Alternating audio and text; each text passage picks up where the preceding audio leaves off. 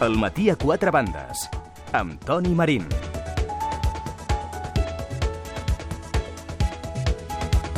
Les 10 i 6 minuts ens quedem amb ganes de més, eh? d'haver pogut tenir l'oportunitat de continuar. Això ens passa moltíssimes vegades, però clar, no tots els dies té un el portaveu del govern de Catalunya, Francesc Coms, i a més a més esperant a l'altre costat de la porta a la persona que tenim ara mateix asseguda davant dels eh, micròfons. Senyora Badia, què tal? Buenos días. Buenos días. Le veo bien, ¿eh? Muy bien, gracias. Le veo, le veo esperanzado y con ganas de esperanzar. Mire lo que le digo. Es que me he puesto la corbata verde hoy. ah, és eso. Sí, chillona, por eso. És la corbata xillona. Sí, sí, sí. Leopoldo Abadia, l'home que va transformar el món de l'economia, que ha fet fàcil l'economia, que el seu llibre La crisi ninja, ninja i altres misteris de l'economia actual està considerat com la millor explicació en castellà de la crisi eh, mundial. ¿Cuántas, ¿Cuántos libros han vendido? Eh, Mira, no lo sé, pero deben, deben andar por 170.000 o una cosa así.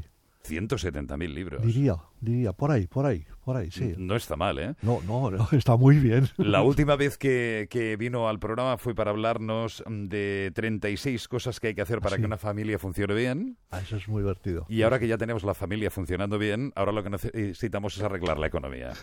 Sí. Y por eso ha escrito usted este libro. Sí, ¿No? sí, sí, sí, ¿Se lo ha enviado a todo el mundo? No, no, no se lo enviado a nadie. Se lo envió, mira, se lo envió a mis 12 hijos. Sí. Punto. Y ya está. y ya está. Pero no quiere decir que los eh, responsables económicos de los gobiernos, de la Unión Europea, em, los organismos internacionales, el FMI, etcétera, etcétera, deberían tener un ejemplar, Bueno, que señor lo Badía? compren, no, no, sí, sí. Ah, que lo Yo- compren. Yo encantado, encantado, sí, sí, que lo compren. Que lo Sí, compren. sí. Es así como se mueve la economía, en Sí, sí, definitiva, sí, ¿no? sí. O sea, vamos, vamos, vamos a dejarnos de hacer regalos, ¿sabes? Ya. Bueno, eh, en los últimos días, si uno abre los periódicos, parece que la crisis se puede resumir prácticamente en una palabra. Re- eh, rescate. ¿Estamos de acuerdo en eso o no? No, no, No. no, no. Además, es, es que lo peor es que en el libro decía una cosa y ahora ya estoy diciendo otra. O sea, imagínate. Tendrá que hacer una segunda edición Bueno, claro, es que- actualizada, es que ¿no? Sucede to- todo tan rápido que me voy quedando atrás. No, mira, vamos a ver, yo, yo creo que lo del rescate, el rescate no es más que un crédito, ¿eh? O sea que es que a veces yo creo que con la palabra rescate, pues te puedes imaginar eso, que, que es un salvavidas, sí, sí, pero es un salvavidas que hay que devolver luego, ¿eh? Dice, Mira, te devuelvo el salvavidas y además te devuelvo unos intereses. Bueno, con lo cual, ¿qué pasa? Hombre, que mira, que si en estos momentos tenemos una deuda eh, de 800.000 millones de euros, Sí. pues yo comprendo perfectamente que Rajoy pues esté haciendo el gallego y diga, bueno, a ver si hay suerte y... Y la prima de riesgo y la- y sigue con- bajando. Y con las medidas pues me ven mejor y más serio y va bajando la prima de riesgo, comprendo perfectamente. Hay una cosa que me gusta, que es esto de, la, de una especie de póliza de crédito que, que parece que, que tenemos o que vamos a tener Ujú. de 100.000 millones. Mira, está bien, porque si conseguimos que no, que no compute como deuda pública, sino como ahí lo tenemos a nuestra disposición, y que solo compute como deuda pública cuando vayamos sacando dinero de ahí, y solo pagamos intereses como cuando pagas con la póliza, pues me parece muy bien, porque eso nos da una cierta tranquilidad, aunque sea moral. ¿eh? Y, y bueno, y, ahí lo tenemos. Pero vamos, a mí lo del rescate, mira, simplemente digo, no me da ningún miedo, simplemente digo, hombre, prefiero, prefiero que no haya rescate porque eso aumenta la deuda. Si aumenta la deuda, aumenta los intereses, si aumenta los intereses, aumenta el déficit y a ti te suben los impuestos. Ciertamente. O sea que ya está. Hoy España es noticia porque la utiliza Obama, pero también lo utiliza Romney. Fíjese que los dos candidatos a la Casa Blanca están poniendo el ejemplo de España Sí. para eh, decir qué puede pasar en los Estados Unidos si votan al otro. Es fuerte esto, es fuerte. Uno se limita a hablar de España, el otro, Obama, habla de Europa. Y dice que España es el ejemplo de lo mal que se hacen las cosas en Europa. ¿Con quién se queda usted, señora Badía? Mira, que me, que me río mucho. No, no. Eso es lo que me gusta de usted, que se ríe mucho a pesar de todo. ¿no? Con esas bobadas me río mucho. ¿Y sabes por qué me río? Esto, esto que te voy a decir es una cosa muy malvada, ¿eh? o sea que no me hagas caso. Vale. Eh, o sea, apaga el micrófono.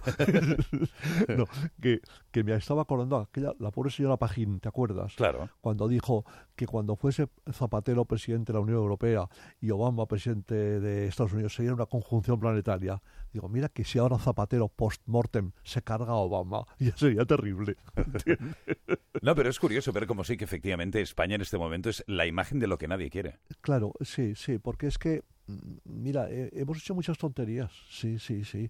Hemos hecho muchas tonterías en el funcionamiento del, del negocio, ¿m? porque mira, en el momento que, que, que un país empieza a gastar muchísimo más de lo que ingresa, un país o una familia empiezan a ir mal. Y poco a poco, y, y claro, hasta ahora, mira, yo una cosa, yo era un especialista en mi familia, era esto que se llama la refinanciación. Yo no sabía que se llamaba así. ¿Qué hacía yo? Pedía un crédito y lo, lo, lo pagaba con otro crédito. Y así con otro, y con otro, y con otro, hasta que un día me quitaron el, el último. ¿eh? Y aquel día me di cuenta de que la vida, eh, la realidad era aquella. ¿eh? Bueno, pues estoy muy agradecido al banco que el último día me dijo, oiga, se acabó. Eh, Ahora estoy muy agradecido, en aquel momento no. Ya me imagino. Bueno, entonces, ¿qué pasa? Que yo creo que sí, sí, que es que ha llegado un momento que nos tenemos que dar cuenta que se han hecho mal las cosas. Yo quiero echar la culpa a nadie. Mira, ¿quién las ha hecho? Pues mira, los que estaban. pues ¿eh?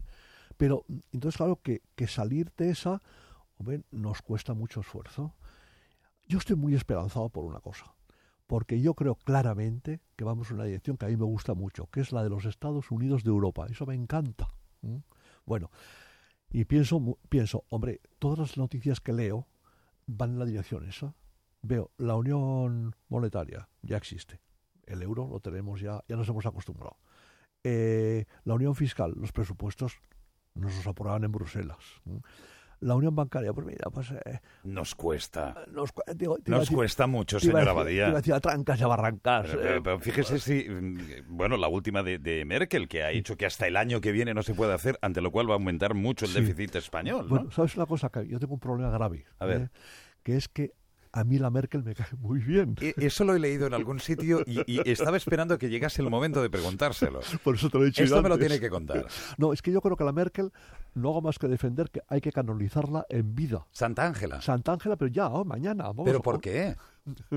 Porque yo creo que es una señora que seguramente no es un prodigio de simpatía, pero que ha puesto, que está poniendo orden en Europa. Ya. ¿eh? Es decir, que cuando dicen, y haremos eso, di- dice ya, no, no, no. Y que mm, mm, vamos a fabricar dinero, no. Y que a mí me parece eso muy bueno, Oiga, muy bueno. eh, eh, vale, pero ¿no está también, mm, digamos, teniendo un exceso de celo respecto a lo que serían los intereses de los bancos alemanes? Por supuesto que sí. Claro, Pero lo otro le pesa más. mira, mira. Digo mira, usted, ¿eh? Mira, yo digo una cosa, eh, claro que sí. Y si yo, si yo mañana hago una cosa, la hago para favorecer aquello y, por supuesto, para ayudar a mi familia. Hombre, para ayudarle honradamente, que no, no hago chanchullos. Procuro no hacer chanchullos. ¿no? O sea que dicen que el- el Angela Merkel está defendiendo a Alemania. Sí, me parece muy bien. Pero creo que en, en Europa hacía falta, mira, un líder. Y ni Rajoy, ni Hollande, ni Monti, ni, ni no sé quién más hay, son líderes. Y esta señora sí. Pues oye, ¿qué pasa? Pues que no es muy simpática, que no es demasiado elegante, que, bueno, vamos, no es, no es nada elegante. Bueno. A usted le gusta, Ángela. Pero, pero me encanta, me encanta. Bueno, Sí, está sí, bien. Sí, sí, sí, vamos. Está bien, está Yo bien. le llamaría para tomar una copa juntos. Pero, ¿ah, sí? Está casada, ¿eh? Bueno, y usted también, ¿no? Fíjese, fíjese, fíjese otra cosa. Eh, hay dos modelos claros, ¿no? Ahora que estábamos hablando de los Estados Unidos. Los que apuestan, como eh, Barack Obama, de- por, por mover el dinero, ¿no? Sí. Que el dinero se mueva, que haya efectivo, ¿no? Que luego, por otro lado, es la de principal demanda que hacen lo- los pequeños y grandes empresarios.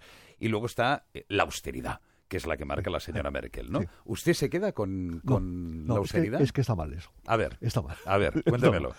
Eh, el, el dilema no es austeridad versus no austeridad. Ni austeridad, no, no es, perdón, no es austeridad versus crecimiento. Ajá. Es austeridad versus no austeridad. Y creo que estamos en un momento muy bueno de apretar las tuercas para que haya austeri- austeridad. Lo que pasa es que a la vez hay que hacer lo otro. Y lo otro es muy sencillo. No te rías porque vas No, no, no, no, yo le escucho, Es soy que, todo oídos. claro, ya lo como es tan temprano, seguro que no ha bebido antes de venir no, aquí. no puede decir que es tan temprano a las diez y cuarto.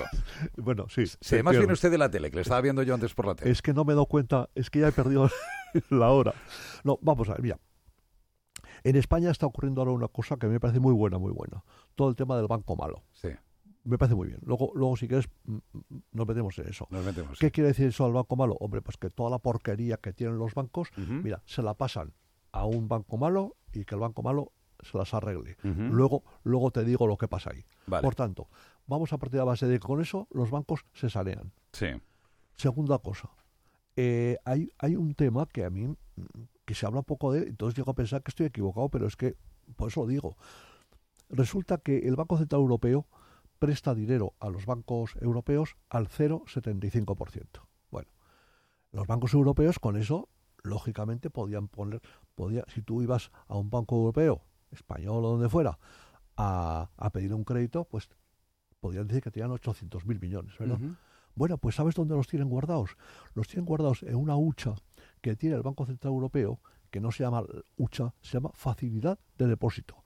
Y ahí el otro día había 800.000 millones de euros. ¿Tú te imaginas si alguien les sugiriera amablemente a los bancos que sacasen ese dinero? Que es que se había arreglado todo. ¿Y por qué no lo hacen? Yo qué sé. Yo qué sé. Alguna pista tendrá. Hombre, o sea, no se lo explica. los bancos europeos, claro, prefieren tenerlo al 0% que dejarte el dinero a ti y dejármelo a mí. Porque contigo conmigo, mirad, quizá tendrán un riesgo. ¿Por el aumento de la morosidad? Bueno, pues porque, porque chico, porque se les ha olvidado hacer de bancos. He leído, hace tiempo leí una, una afirmación que me parece que la he puesto en este libro. Es que ahora, como ya, no sé qué cosas pongo en cada libro, pues ahora ya no sé. O sea, no se preocupe porque como le leemos todos, pues lo que no le leemos en un libro se lo leemos en el otro, o sea que no pasa nada. Es un que hago para que me compren los demás también. yo juraría que es en este, en el que repito la frase de un banquero que dice, nosotros no ayudaremos a la economía a salir adelante, le acompañaremos en su crecimiento. No, majo, no. Es como si la economía creciera, creciera, yo le acompaño. No, no, no, no. Tú estás para otra cosa, para, hacer de banco. Lo que pasa es que de una temporada muy larga, muy larga, has hecho tanto el idiota que se te ha olvidado hacer de banco. Adolf Todo Mm, presidente de, la, de, esta, de esta Cataluña Caixa, que no es para presumir mucho, dijo hace un tiempo, la banca ha de volver a su negocio tradicional. Y a mí me apetecía mucho decirle, ¿y qué habéis hecho hasta ahora? ¿Montar discotecas o qué? Entonces, claro, tú, por favor, por favor. Discotecas no sé, pero luz y sonido sí, ¿eh? Bueno, pues, pues, pues, pues al final te das cuenta discotecas. Discotecas, bueno, discotecas. Han bailado como han querido, eso es verdad, ¿no? Sí. Y siguen bailando, ¿no?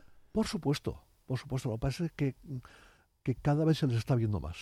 Cada vez. ¿eh? Eh, cuando hoy el Santander saca sus resultados, dice, pues, mm, paso pérdidas, no sé cuántos mil millones. Saneo el banco. Y ahí me da ganas de preguntarle, pero lo saneas, pero ¿y quién lo enfermó antes? Ah, fuiste tú también. Ah, bueno, muy bien, muy bien. La verdad es que vivimos un momento muy surrealista, ¿eh, señora Abadía. Mezclas, metes en el mismo... O sea, uno, como una receta de cocina, ¿no? Coge una olla y ahí mete todo lo que estamos diciendo. Le añade las preferentes le añade las indemnizaciones de los banqueros y digamos que la comida resulta un poco, un poco indigesta. ¿eh? Bueno, eh, que no, no, no, que no hay quien se lo coma. No hay quien se lo coma.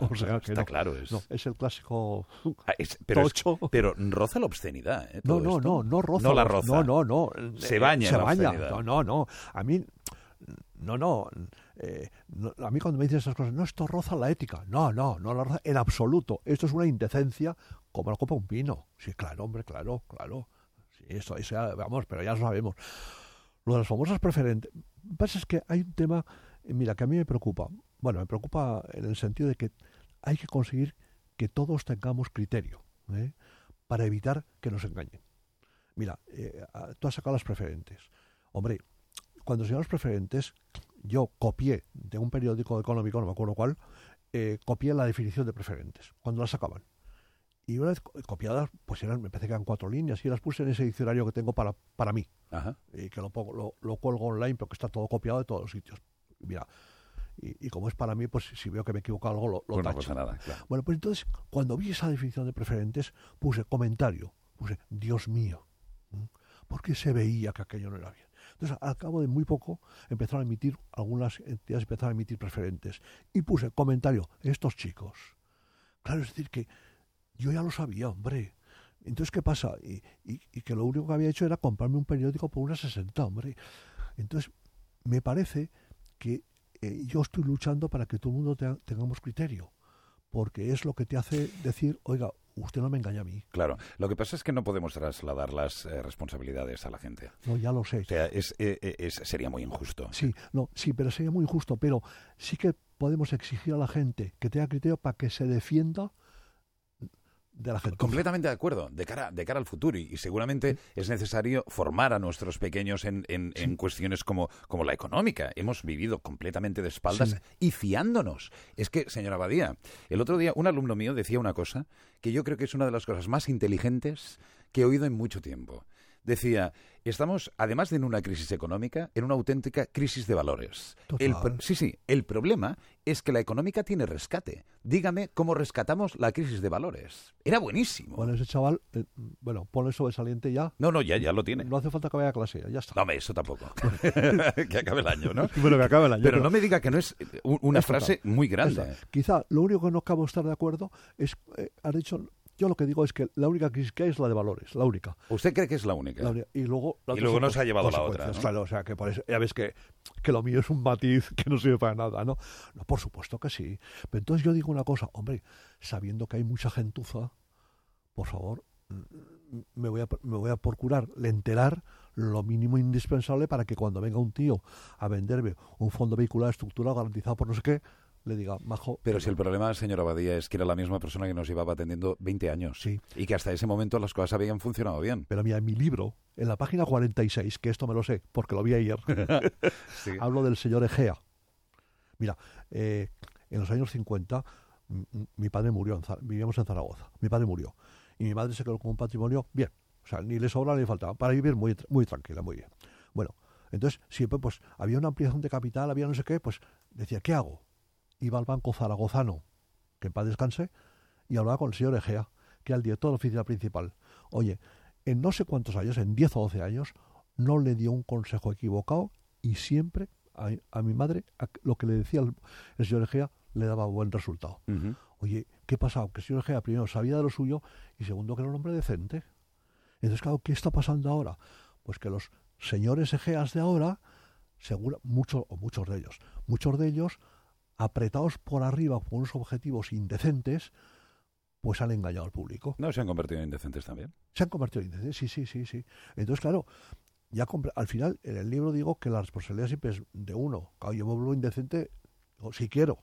Lo que pasa es que si tú me extorsionas de mala manera, pues un día diré, No, pues, y que, pues y me voy a que- hacer indecente. pero si se juega con la, con la ignorancia de la gente. Pues es que, es. claro, no estamos hablando de cualquier cosa. No estamos hablando de ir a comprar un kilo de judías. No, no, no, no. Estamos hablando de que te engañan. De- de- con unos términos absolutamente difíciles.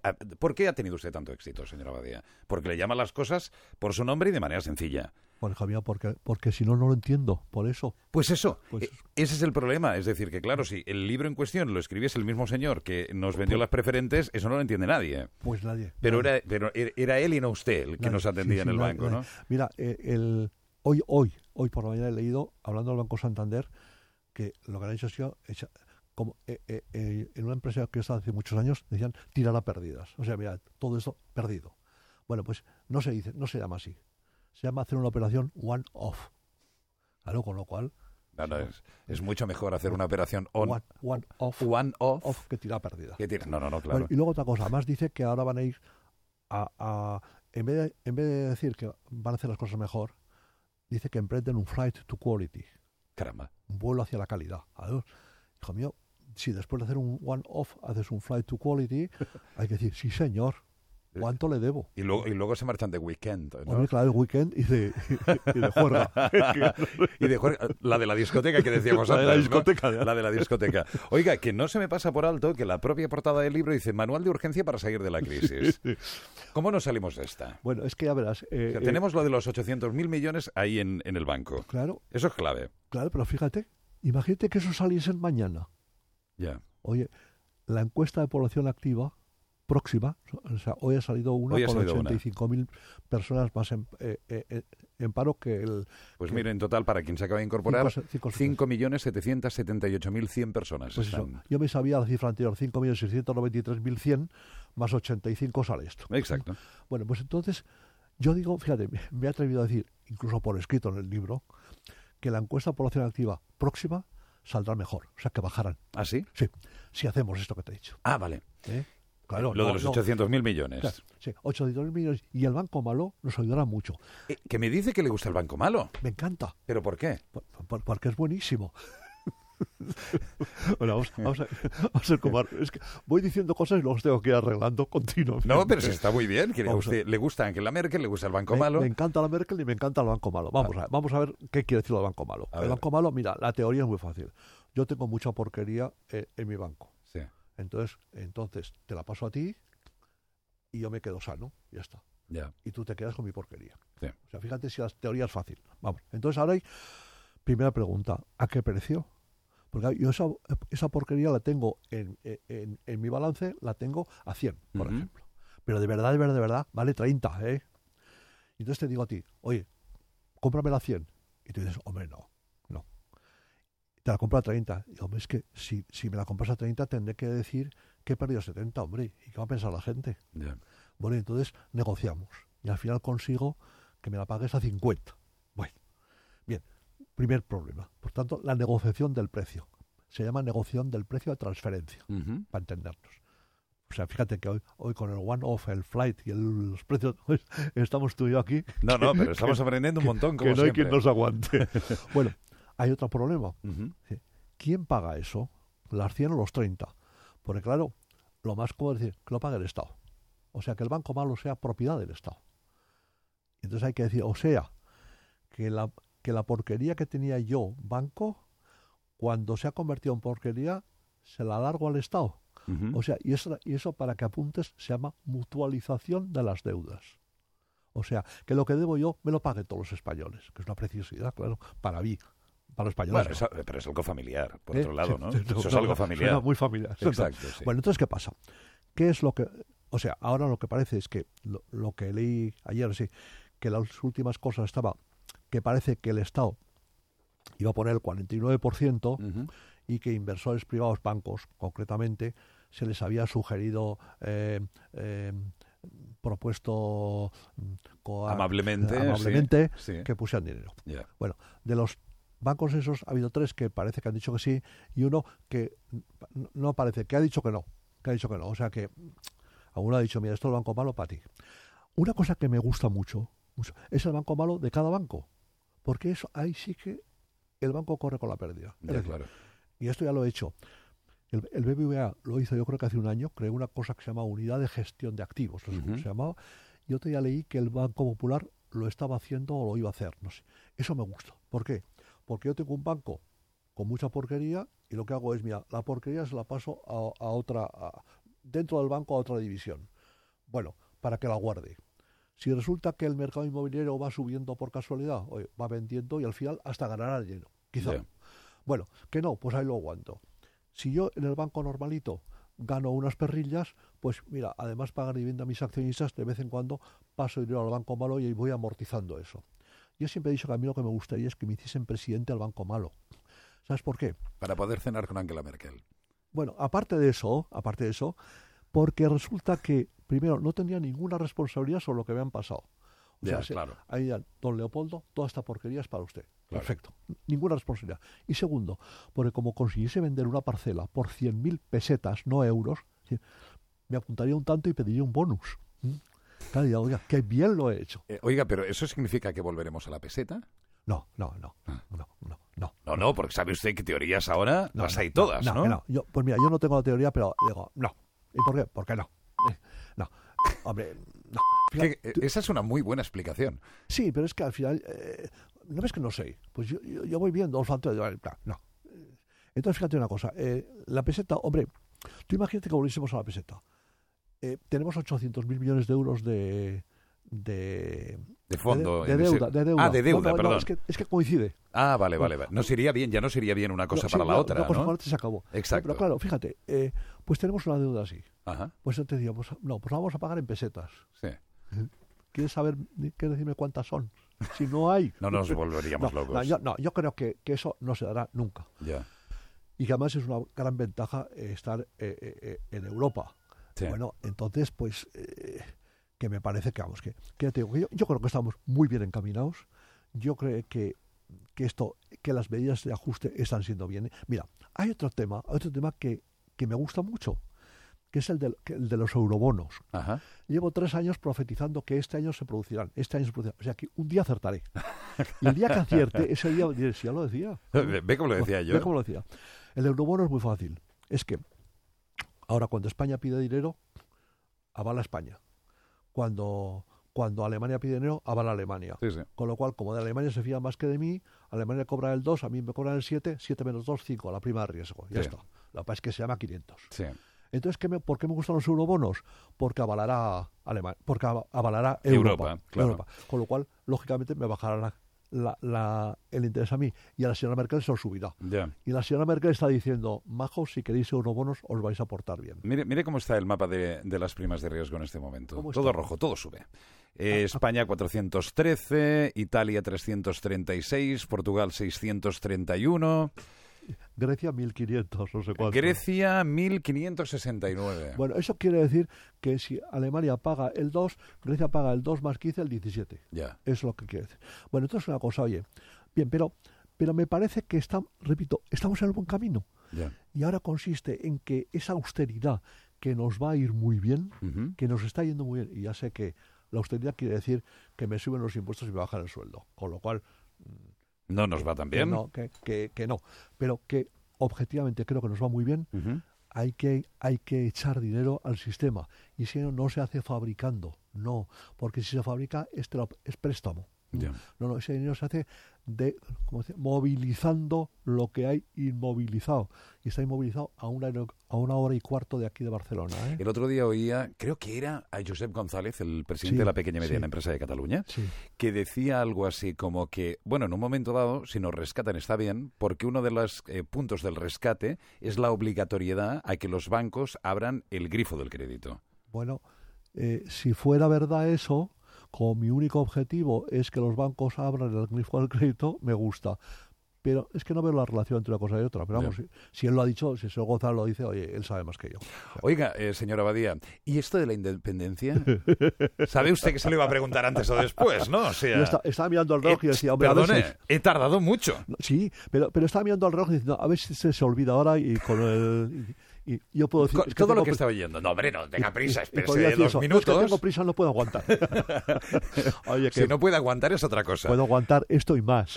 Estoy seguro. Pero eh, de todo lo que se está diciendo, Sí, ¿no? sí, y, y- sí. y- y es, eh, claro, el ciudadano yo me lo imagino muy despistado. Estamos hablando del mismo ciudadano de las preferentes. Es decir, que nos, nos ponemos a hablar, todos, ¿eh? Todos, de, de cuestiones económicas y nos viene grande. Y- es, es un tema al que nunca le habíamos dedicado atención porque no nos había hecho falta y en los últimos cuatro o cinco años todos hablamos de prima de riesgo, hablamos de preferente, de lo que haga falta. ¿Nos va a ir mejor una Cataluña independiente? ¿Saldremos mejor de la crisis? ¿Cómo está usted oyendo todo lo que se está diciendo? Bueno, he venido oyendo la intervención del, señor que me ha antecedido Francesco, y, y, bueno, bueno, el que portavoz del gobierno, que vaya. la he venido oyendo. ¿Y qué le ha parecido? que la he venido oyendo. entonces, entonces eh, digo lo siguiente. Yo creo que el tema de la independencia o de lo que quieras llamarle Sí. tiene dos vertientes. Una, la económica y otra, la, llamaré la cultural, la patriótica, la sentimental, el- lo del corazón. Claro. Bien. Bueno, entonces, la económica se resuelve muy fácilmente. Porque una, y, y por, y por supuesto, no se resuelve gritando en los periódicos, tú me robas y contestando, pues tú más. Así no se resuelve nada. Con lo cual, yo una cosa que pido al gobierno de Madrid y al gobierno de Cataluña es que se callen. ¿Mm? Que se callen. Los dos. Los dos. O sea, que cuando uno dice una cosa, eh, y que hablen muchísimo entre ellos. Pero que se callen, porque si no, claro, eh, yo leo el periódico no sé qué. Como además yo aconsejo a todo el mundo que siempre leamos el mismo periódico, como yo lea todos los días la razón, pues ya sabes lo que va a pasar. Hoy estaría entretenido. Por eso digo. No, Espere, no, no, que se lo voy a decir. Espere, la portada de La Razón hoy es que me parece digna de, de- de reseñarse. ¿por- El gran... ¿Por, por qué? ¿Por qué habré hablado? Es que me lo ha traído, mire, Barcelona se niega a padrinar el buque insignia Juan Carlos I. Este es el tema de apertura hoy de La Razón. A continuación, lo que sí importa a los catalanes es que toda la portada va de Cataluña. Va de Cataluña. Y se ve a los farmacéuticos manifestándose. Y finalmente, luego sí que hay dos noticias eh, que salen de Cataluña. Eh, se han portado con nuestros despidos como cerdos. Hablan los afectados por los ERE sindicales. Y finalmente, el rey subraya en India que las reformas del gobierno empiezan a dar sus frutos. Bueno, Esto bueno. es lo que le pasaría si cada día leyese la razón. Exactamente. Entonces, si cada día leyese otro periódico, el que fuera, si cada día No, leyese... no pone otro ejemplo para que no vaya a buscarlo, ¿no? no, Si cada día leyese la no, no va, es que ya la he leído. Si cada día leyese la vanguardia, que es la que leo todos los días, Sí. además me la descargo en el iPad y me la, me la he leído en el, en el- bueno, no la he leído a fondo porque me mareaba, pero vamos, ya he leído todo. Sí. Bueno, pues pensaría de otra manera. Bueno, entonces por eso, ¿qué quiero yo? Quiero, quiero que pensemos cada uno por nosotros. Entonces digo una cosa, la cuestión económica, tú me robas, yo te robo, mira, yo creo que es muy fácil. Yo digo que se va un empleado del Ministerio de Economía, no digo el ministro, un empleado del Ministerio de Economía eh, Central y un empleado del, del Conseller de Economía Andrés Masculell. Andrés se van a un parador. Sau, Cardona o el que quiera, durante una semana Ajá.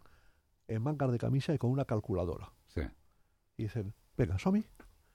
Y en una semana te aseguro, te aseguro que con ganas de trabajar sacan las cuentas. Y sale al final que dice, pues chico, mira, resulta que me debes eh, 417.600 euros. Millones, calma, aquí siempre son millones de todo. Bueno, el que sea, ¿eh? o que no te debo nada, o que al revés, el, tú el- o sea, pero por favor, porque si no, claro, en el momento que dicen, ¿me robas? Pues claro, yo digo, hombre, si me roban, ese tío es un, hijo de mala madre. ¿eh? Ya, claro. Y claro, si otro dice, no, no, el que me robas eres tú, digo, tú también este. Mira, por favor, paremos porque eso no lleva a nada. Entonces, claro, cuando la gente dice, independiente seamos no sé qué, mira, hay una cosa que del había el presidente más, me parece un hombre majo. Eh, yo cuando digo majo, eh, eh, quiero decir Lo sé, mucho, lo sé. ¿eh? Bueno, majo. Pero dijo día una cosa que si no encontrara le dije, Artur, ¿qué has dicho? Cuando dice, emprendemos un viaje hacia lo, hacia lo desconocido. Ay, majo, que me das mucho miedo. ¿eh? Porque ay, yo, viajes a lo conocido, voy. Y además, viajes a lo conocido, fíjate, el señor Oms, que- que no sabía que era él, ha dicho hace un rato, el empresario, el emprendedor, se lanza, se lanza procura, procura saber a dónde se lanza, ¿eh? O sea, cuidado. ¿eh? Que, digo, a mí, un viaje a lo desconocido, mira, prefiero un viaje a lo conocido. Bueno, pues, segunda cosa. Ya viene la parte esa, eh, diríamos, afectiva, mi patria, mi, no sé, mi cultura, mi lengua, mi todo, todo, ¿eh? eso, que es, digamos, es más profundo que lo económico. Entonces, ¿qué pasa? Hace 30, 30, 34 años, año 78, firmamos una constitución, la firmamos todos. En un momento difícil, ¿eh? Porque había, eh, había que pasar de una situación a otra y aquello era difícil, ¿eh? Y tuvo mucho mérito que, pues, pues que gente de, de, Sí, sí, de todas las de tendencias. pelajes ideologías, distintos sí, dijeran, venga, tú, venga, que como si no hubiera hecho nada, ¿eh? y yo también. Tuvo mucho mérito. Bueno, entonces digo, la Constitución tiene 34 años, pues lo lógico es que haya que, que mirarla. Oye, y sin esa, y, y pues vamos a mirarla, pero ¿cómo? Como miramos aquella, sí. Es decir, esto de decir, no, me voy porque, cálmate, hijo mío, pero es- pues ya- ya- igual te vas, pero no, es por tanto a mí cuando me dicen, ¿y qué saldrá de esto? Una España federal, confederal, si, si, si además, yo creo que los términos nadie los entiende. ¿eh?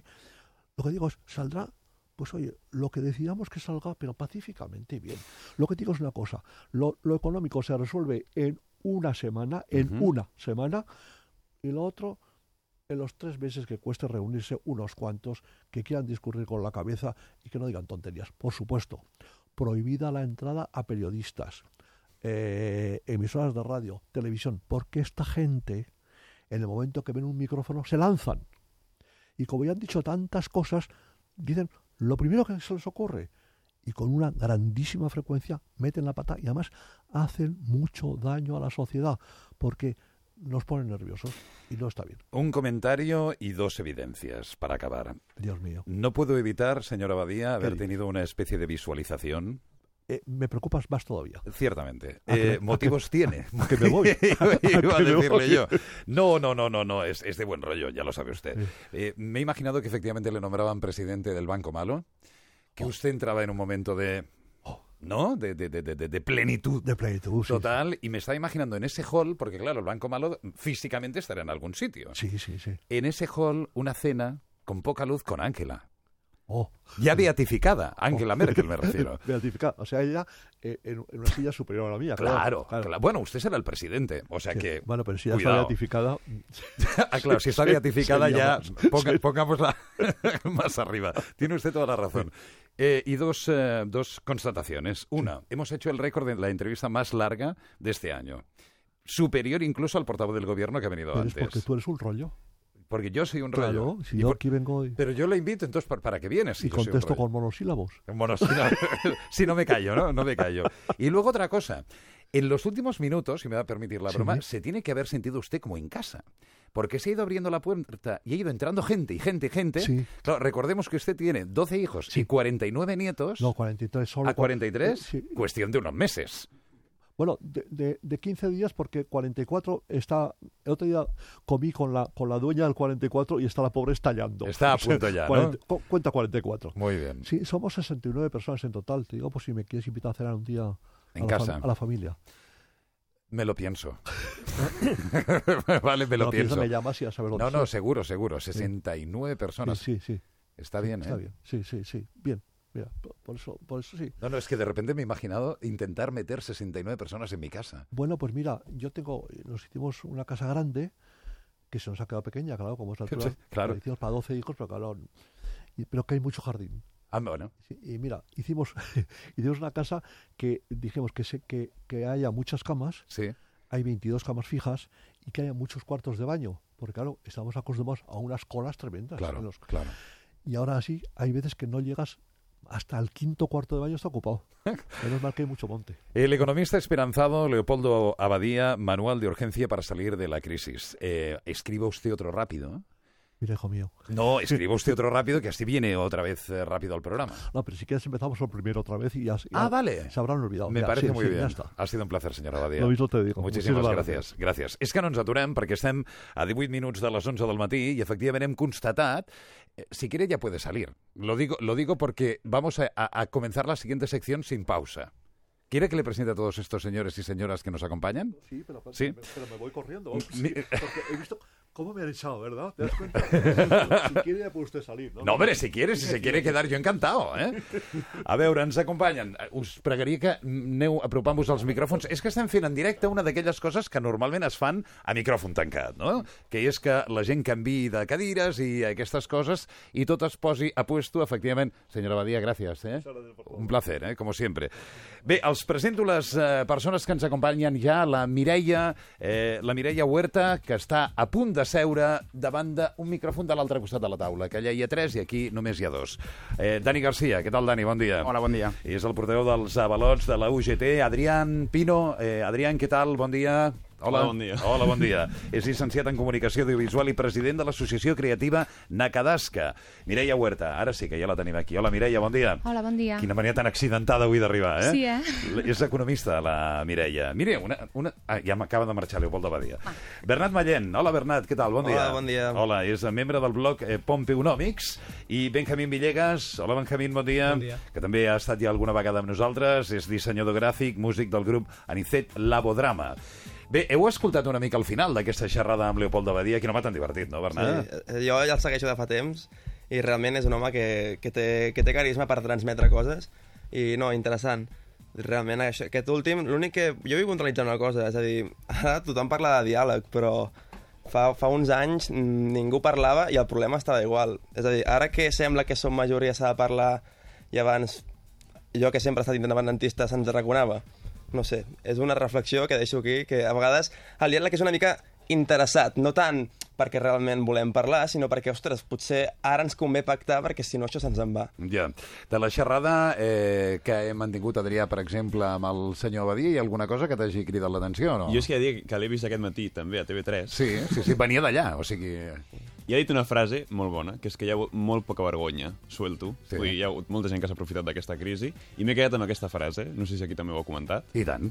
Doncs això és el que crec que s'ha de resumir i és el més important, que hi ha molt de poca vergonya i a veure si la crisi serveix per posar a cara a aquesta gent. Mireia, tu que ets economista, com ho veus?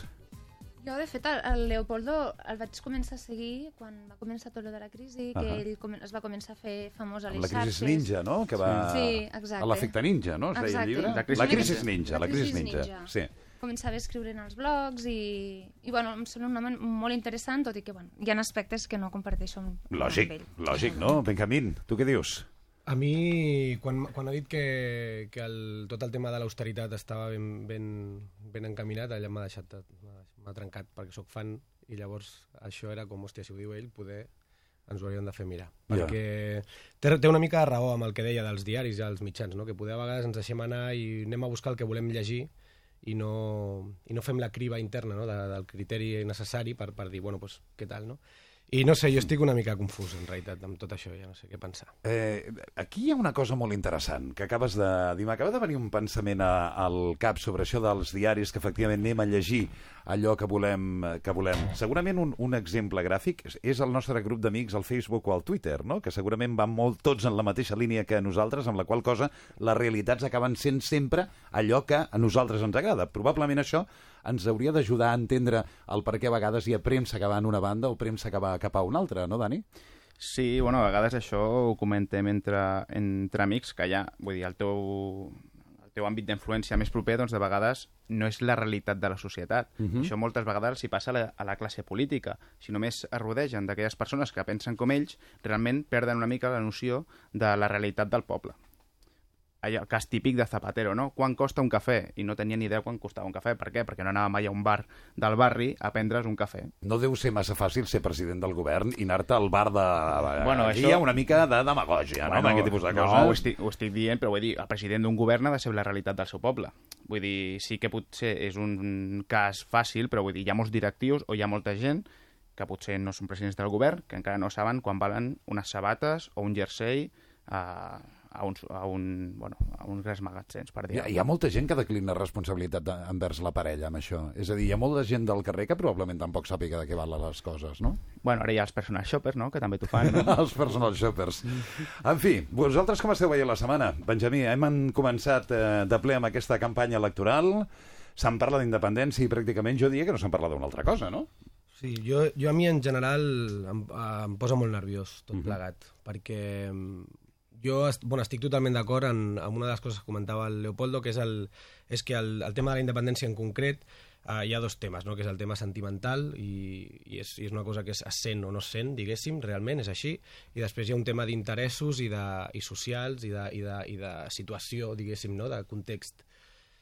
Llavors, jo personalment, com no entenc molt el, el que és un sentiment nacional, perquè no ho he tingut mai, no sé el que és sentir una, un país, no tinc ni, ni idea, doncs llavors ho porto bastant malament tot plegat, perquè llavors tots s'ataquen amb un tema sentimental tant d'una banda com de l'altra, que a mi m'agafa al mig i no tinc ni puta idea de què va, realment, Ja. t'ho dic sincerament. I, i d'altra banda, eh, jo, jo el que sí, clar, que, que em sembla molt bé és, estic molt a favor de la descentralització del, del com es diu, del, del poder, és a dir, clar, que, que Catalunya de, de, deixi de formar part de, de l'estat espanyol em sembla perfecte, però clar, jo en aquest procés no l'acabaria, llavors poder, aniria independitzant encara més els terrenys fins, fins a arribar a, a on jo tingui més poder de decisió, diguéssim.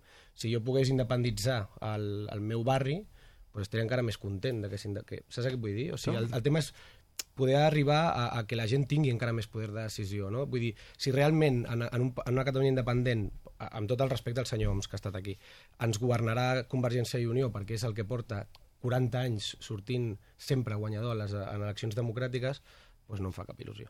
Ja. Eh, Bernat, per, eh, perdona, Bernat. Sí, Bernat, eh, per, què, per què somreies quan escoltaves el que deia el Benjamín? No, és que jo estic d'acord en això últim que diu, que al fons és... Mm, si tenim independència per, en comptes que ens governin les oligarquies espanyoles, ens governin les, una, a les oligarquies catalanes, vegis Isidres Feiners, etc. realment tampoc haurem canviat de res, no? Simplement bé, ens explotarà qui ens estima.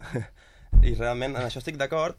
I també estic d'acord en que és una mica pesat que tot el debat es centri només en la qüestió sobiranista, perquè, és a dir, què passa? Això, quan hi hagi un referèndum ho entenc, perquè és una única pregunta, sí o no. Però ara hi ha molt més en joc.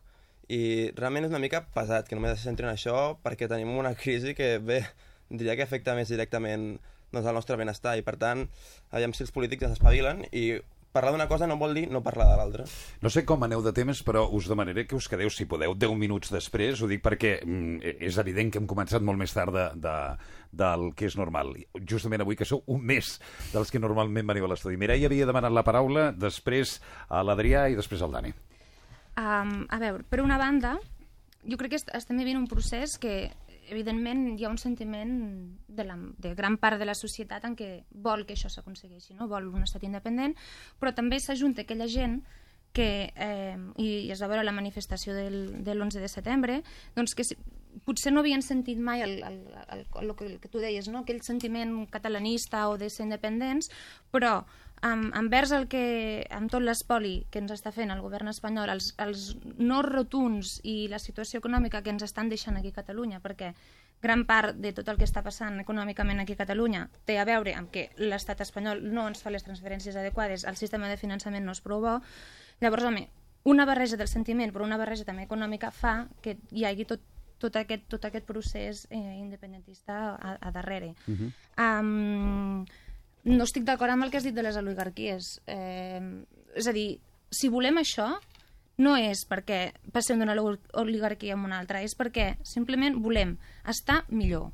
Sí. I estar millor vol dir, primera, jo per mi, jo em sento Catalunya com el meu país, no em sento espanyola com el meu país, Espanya com el meu país, jo veig Catalunya al meu país, i per tant, jo vull que Catalunya, el meu país, que la meva filla, que neixerà d'aquí poc... Ai, enhorabona. Gràcies. Ah, no ho sabia, que estaves embarassada. tingui, un, tingui un passaport català i es pugui dir, anar pel món dient que és catalana.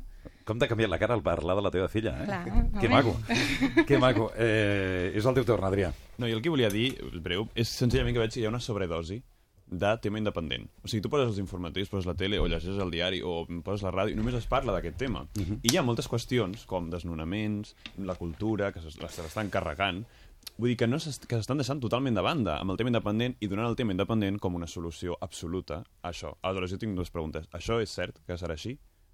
No, de fet és una, és aquesta. és cert que es millorarà? Vull dir, sent independents tot això se, se solucionarà? Perquè diuen que sí, hi ha gràfics, hi ha moltes enquestes i tal i qual, però mm, sembla com allò, no? Dir, el, el caramelito, no? Vinga, teniu això que és la solució per tot.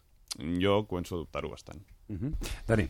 Bueno, una mica respecte al tema. Uh, jo, la, el tema independència, de vegades em pregunto si és una conseqüència o és una possible solució. Vull dir, és una conseqüència per molts catalans, doncs perquè realment doncs, hi ha un greuge comparatiu de les polítiques que porten des de Madrid cap a Catalunya. I després, és una possible solució? Vull dir, si fóssim un estat independent, viuríem millor? Jo penso que ara és en aquest moment on els polítics s'haurien de, haurien de treure dades i dir doncs, si realment doncs, podríem tenir un estat doncs, que tothom pugui ser més feliç, que en definitiva és el que tots volem. I després una altra cosa, penso també que és una mica una cortina de fum, perquè mentre s'està parlant d'independència no s'està parlant doncs, de retallades, drets socials, etc, etc. I la pregunta és, eh, volem independència, però per ser independents haurem de tenir un país, però ens estem carregant tot el país perquè no tenim, eh, bueno, no tenim estat, per dir-ho d'alguna manera, o bueno, s'està retallant molt el que és l'estat o l'estat del benestar, que, que és el que penso jo que la majoria dels catalans volem déu nhi eh, Sí, eh, Mireia, després en Camín. Um, deies, la solució serà la independència. Ningú ha dit que una vegada, si, si aconseguíssim arribar a la independència, visquéssim millor i, i siguéssim millor. Vull dir, no serà un procés fàcil, o sigui, que ningú s'ho pensi, que serà un procés fàcil, que no patirem conseqüències ni polítiques ni socials ni econòmiques. Això no perquè no, ningú. I tant que ho diuen, i tant que ho diuen. Jo només escolto, tindrem El pensions més president, Mas, altes, el president Mas mateix ho ha dit. millors. No, el president Mas mateix ho ha dit moltes vegades. L'altre dia al Fòrum, al Fòrum d'Economia ho va dir. Ningú es pensi que això serà un procés fàcil i no tindrem conseqüències, Ja, ja, però- però la però que la Però finalitat sí, hem eh? de mirar a llarg termini. És a dir, potser a curt termini mm, no estarem millor, però a llarg termini, evidentment que sí. I avui han sortit, ha sortit la PIMEC dient eh, que el 60 i pico per cent de les empreses, eh, petites i mitjanes empreses, estarien d'acord amb això. Per tant, eh, s'està evidenciant que hi ha un gran gruix a la societat de darrere doncs, que està a favor d'això i que la realitat és possible. Vull dir que si tots hi posem de la nostra... I llavors una altra cosa, mm, sobre la campanya, home, evidentment, mm, el gran tema és aquest, perquè és a dir, per Segur. això, per, això, per això el president Mas va convocar les eleccions, dient, bueno, mm, a Madrid ens diu que no, Clar, però no doncs... només es decideix Però això. o sigui, el tema, el tema d'aquestes eleccions, per, per, perdó, eh, un instant, eh, aquestes eleccions, eh, el propi govern ha negat que estiguem davant d'un sí o no a la independència, sinó que estem eh, votant pel govern dels quatre propers anys. a Catalunya. I això significa el govern que haurà de fer els tràmits necessaris per assolir aquest camí cap a la independència, però que també haurà de lluitar contra la crisi, que també haurà de prendre decisions en cultura, en eh, escoles bressol, etc etc etc. no? Per, per això mateix, vull dir, que espero que no només sigui una campanya de- d'independència, sinó també... És a dir, evidentment serà el tema central, però també crec que es parlarà dels altres temes. Benjamí, havies demanat espero. la paraula i després el Dani. Jo crec, jo crec aquí, aquí s'evidencia una cosa que és, que és normal i és la, la, la passionalitat no? que, af, que afecta amb aquest tema. No? És a dir, ella reacciona Sí, sí, sí, clar. amb passió amb aquest tema no? I, i, i jo respecto, o sigui, respecto absolutament el, el sentiment nacional i em veig obligat a respectar, tot i que em costa, això també ho haig de dir, vivint aquí, em costa molt respectar el sentiment nacional espanyol, però l'intento respectar perquè a vegades és com sent, eh, havent viscut a Catalunya i no, no, no, no m'autodeterminaré ni català ni espanyol perquè encara no sé ben bé què és cap de les dues coses. No he sapigut mai. Vale? Perquè jo he anat a Múrcia i he anat a Andalusia i he anat a mogollon de llocs i m'han tractat sempre, haig de dir, superbé, perquè dec tenir molta sort i em trobo amb gent magnífica. Bueno, jo crec que tots, no? Sí, sí, sí. I, ma, i mai m'he sentit identificat, ni amb, amb, amb la seva forma de vida, diguéssim, en una part ja més uh, nacional. O sigui, no parlo de... Si, un, si, un, si em trobo amb un dissenyador gràfic, tindrem coincidències a tot ar- arreu del món, ¿vale? però a nivell nacional doncs, no acabo de tenir molt, allò vibrar amb la roja i tal, doncs, això no ho entenc, vale? no, tinc, no sé de què va. Però també haig de dir que quan he anat a Vic, a Olot i a llocs així, no tinc ni puta idea de què va jo tampoc, perquè no, no, no em sento identificat, tot i que tinc amics que han, viscut a Barcelona tota la vida i se senten molt identificats. Jo no tinc ni idea. En canvi, he estat a Saint-Denis, que és com l'extraradi de París, i és magnífic, perquè és com, haver, com jo he viscut tota la vida a l'extraradi de Barcelona, i, i diguéssim que a nivell com a classe social pues allò, a, a, aquell desmadre, aquells quinquis francesos, pues amb, amb, amb, què, vols, què vols que et digui? Saps que no m'imagino els quinquis francesos, com són, molt, ser? són interessants. Haurem d'organitzar un cap de setmana Els allà. diuen queques. Què que és, els Són hi diuen? queques els quinquis d'allà, sí. Dani, volies dir alguna cosa, no? Sí, dues referències. Una, primera, referent al que deia Mireia, eh, que els empresaris han sortit ara i han dit que, bueno, el tema de la independència i tal, a mi m'agradaria saber, doncs, quan arribi el moment i hi hagin de pagar els impostos de les seves empreses, on ho faran? A la Caixa de Catalunya o la Caixa de l'Estat espanyol? Perquè tradicionalment, doncs, les classes, bueno, la burgesia, doncs, sempre ha, ha estat qui ha traicionat a les classes més populars. Això parlo d'història, eh? I després, un altre tema és el, el tema de, de les fronteres, no? Perquè tu, més que de nacionalitats, parles de fronteres. Vull dir, tu et, et sents igual a 200 quilòmetres més cap, amunt, més cap amunt de, del Pirineu que més cap avall, no? Vull dir, vull dir les fronteres són... és política, per dir-ho d'alguna manera. Eh, jo això ho entenc perfectament. Eh, jo penso que molta gent, per exemple, els joves catalans, doncs, potser poden tenir un sentiment més nacionalista o no, eh, per exemple, a l'hora que van a pagar la matrícula a la universitat. Van aquí a Catalunya i és un 66% més car que si van 200 metres més cap a baix de l'Ebre. I és el problema. És, és aquest el problema. Vull dir, vull dir, molta gent doncs, està patint a nivell econòmic. I per això veuen aquest, que si a una altra part de l'Estat les coses són més econòmiques, en aquest cas estic parlant de la formació, que aquí, al nostre, eh, aquí a Catalunya, doncs d'alguna manera doncs, veuen aquest greuge comparatiu. Jo, jo estic d'acord amb això, però instrumentalitzar-lo uh, electoralment o sigui, això que m'acabes de dir és, és evident, i estic totalment d'acord. Clar, instrumentalitzar això electoralment junt, i barrejar-ho amb els sentiments nacionals i, amb, i, amb, i en un moment perquè no ha passat en un altre moment, això. O sigui, la, la, la, siguem, siguem obvis, lo de la última manifestació de la Diada, això no ha passat mai abans. O sigui, la, la des, el, des, el despliegue Bueno, va sortir absolut... el 10 de juliol quan l'Estatut. També va haver un milió de persones al carrer. Sí, sí, no, no, jo, jo et parlo de la, de la o sigui, a l'ordre d'accions. No et dic que no s'hagi manifestat gent així. Et, et parlo de- d'instrumentalitzar una diada i fer i convocar eleccions al poc temps. És política. Tinc clar. dues, eh, en aquests moments, dues paraules demanades, al eh, Bernat i a l'Adrià, però no tinc temps. Eh, no, però ara tornem, eh? Fem una pausa molt breu. Eh, tenim una darrera hora molt moguda avui al programa, perquè seguirem parlant amb els joves. Tindrem el Jaume Garcia parlant de cinema des de Lleida. Per cert, avui parlarem dels guapos i les guapes oficials del cinema, eh, perquè s'estrena James Bond, el hombre, no?, d'alguna manera. Eh, rebrem a la Carme Sánchez per parlar, efectivament, de sexe, com eh, cada setmana. I posarem el punt i final amb el David Martí, també fent un petit recorregut de cap de setmana amb l'Òscar Marín. Tot plegat de seguida. Ara ens aturem, arriben les notícies de les 11 i continuem en la darrera hora del matí a quatre bandes. Fins ara mateix.